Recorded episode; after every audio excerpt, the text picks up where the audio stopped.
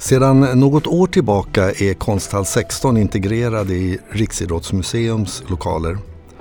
Förutom tillfälliga utställningar köper konsthallen in idrottsrelaterad konst. Ett av inköpen under året är en oljemålning av Einar Jolin från 1919 som han kallar Hockey.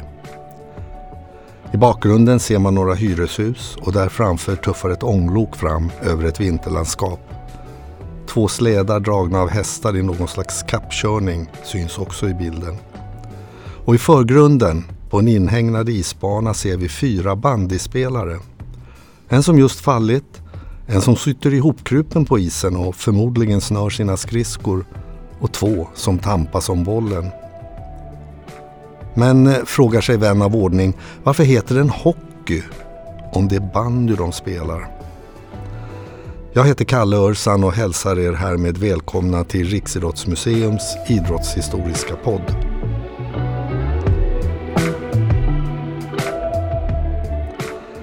Ja, hur ska man förklara det här? Idag vet väl de flesta människor skillnaden på bandy och ishockey. Men hur var det året kring förra sekelskiftet? Räknades vid den tiden ishockey som bandy? Eller var bandy samma sak som ishockey?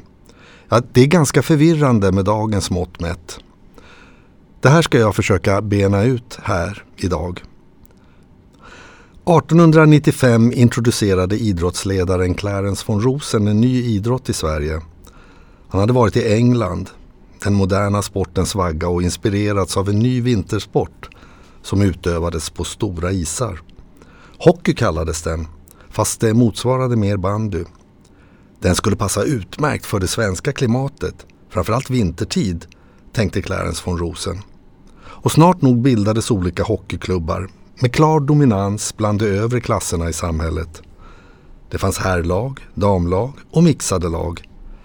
Medlemmar ur hovet deltog ofta och prins Gustav Adolf, sedermera kung Gustav VI Adolfs hustru, Margareta, hon var för övrigt engelska, hon bildade 1908 kronprinsessans hockeyklubb. Så det här var alltså en sport för de bättre bemedlade i samhället. Därom vittnar källmaterialet från tiden. Till exempel i Tidning för idrott eh, 1896.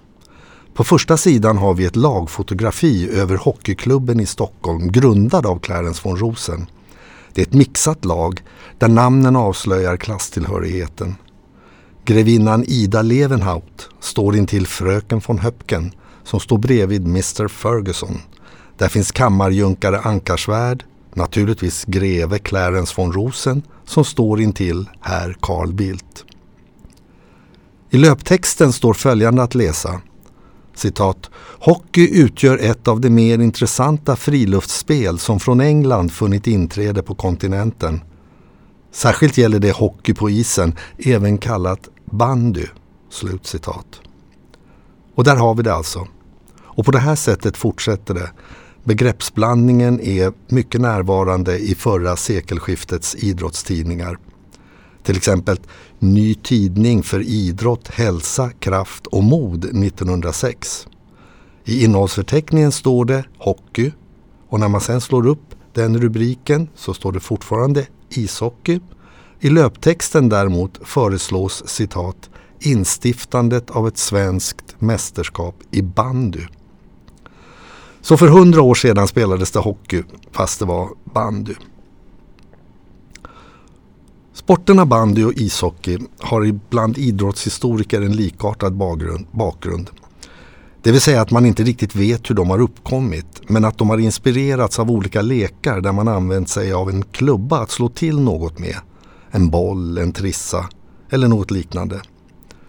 Det finns avbildningar på 2500 år gamla vaser där man ser två personer stå med klubbor i händerna och ett bollliknande föremål mellan sig. Och detta med att utöva en lek, en idrott med en käpp eller klubba har funnits i snart nog alla kulturer. I Sverige spelades under 15, 16, 17, 1800-talet något som folklivsforskare kallar slå trilla med en skankpåk. En skankpåk var ett mellanting mellan dagens hockey och bandyklubba. Även etymologiskt, alltså läran om ordens ursprung, råder det delade meningar om var de här begreppen kommer ifrån. Termen hockey är enligt idrottshistorikern Tobias Stark höljd i dunkel. Kan det vara det engelska ordet hooked, som förböjd? Eller det franska hockey för herdestav? Eller är det den engelska officeraren som hette hockey och som beordrade sina mannar till vinterexercis på is som ligger bakom namnet. Det finns några som menar att uttrycket kommer från hogi som lär betyda aj, det gör ont. Eller hogho som ska betyda att slå varandra i skallen. De här begreppen kan kopplas till den nordamerikanska ursprungsbefolkningens klubbbolllekar som inte sällan var ganska våldsamma. Och de skulle då kunna vara föregångare till dagens hockey. Termen bandy är engelsk och betyder att slå fram och åter. I ett annat, på en annan plats i ett idrottsuppslagsverk hävdas att ordet bandy kommer från det engelska ordet bend, alltså böjd. Så i det här vi nu pratar om så kan man säga att hockey, ordet hockey och ordet bandy kan faktiskt bägge betyda böjd. Och det här kanske vi har förklaringen till den här begreppsförvirringen. Men det är onekligen lite rörigt. Men vi kan alltså konstatera att den moderna bandyn som vi känner idag den har sitt ursprung i mellersta England under andra hälften av 1800-talet. Och den spelades alltid med böjd klubba. Och så spreds den till vintersportorter som Davos och St. Moritz. Och som vi sett även till Norden. Men det var bara i Norden som bandy blev kvar och med tiden även kom att betraktas som en nationalsport, framförallt i Sverige. Med mästerskap för herrar från 1907. Då vann IFK Uppsala med 4-1 över IFK Gävle. Rubriken i tidningarna från den här finalen är dock fortfarande hockey.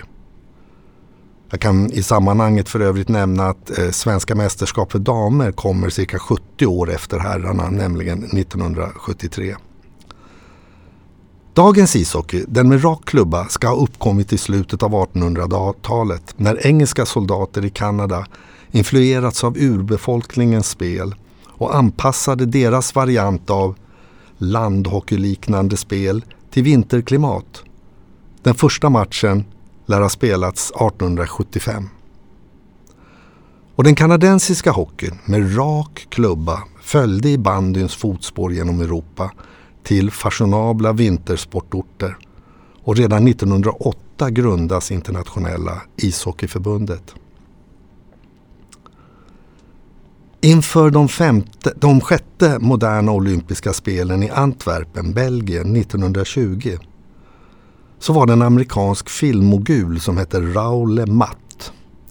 Han var här i Sverige för att titta på den ganska framgångsrika svenska stumfilmen och det var faktiskt han som lockade över Greta Garbo och Maurits Stiller till, till, till Hollywood senare.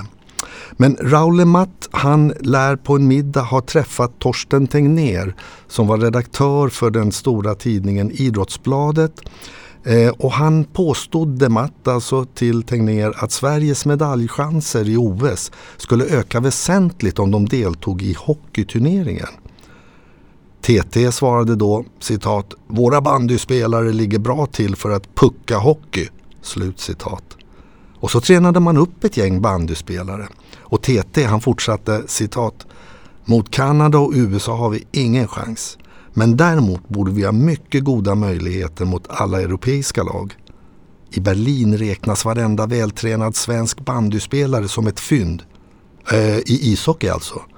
Vi åker nämligen skridsko så bra här i landet. Slutcitat.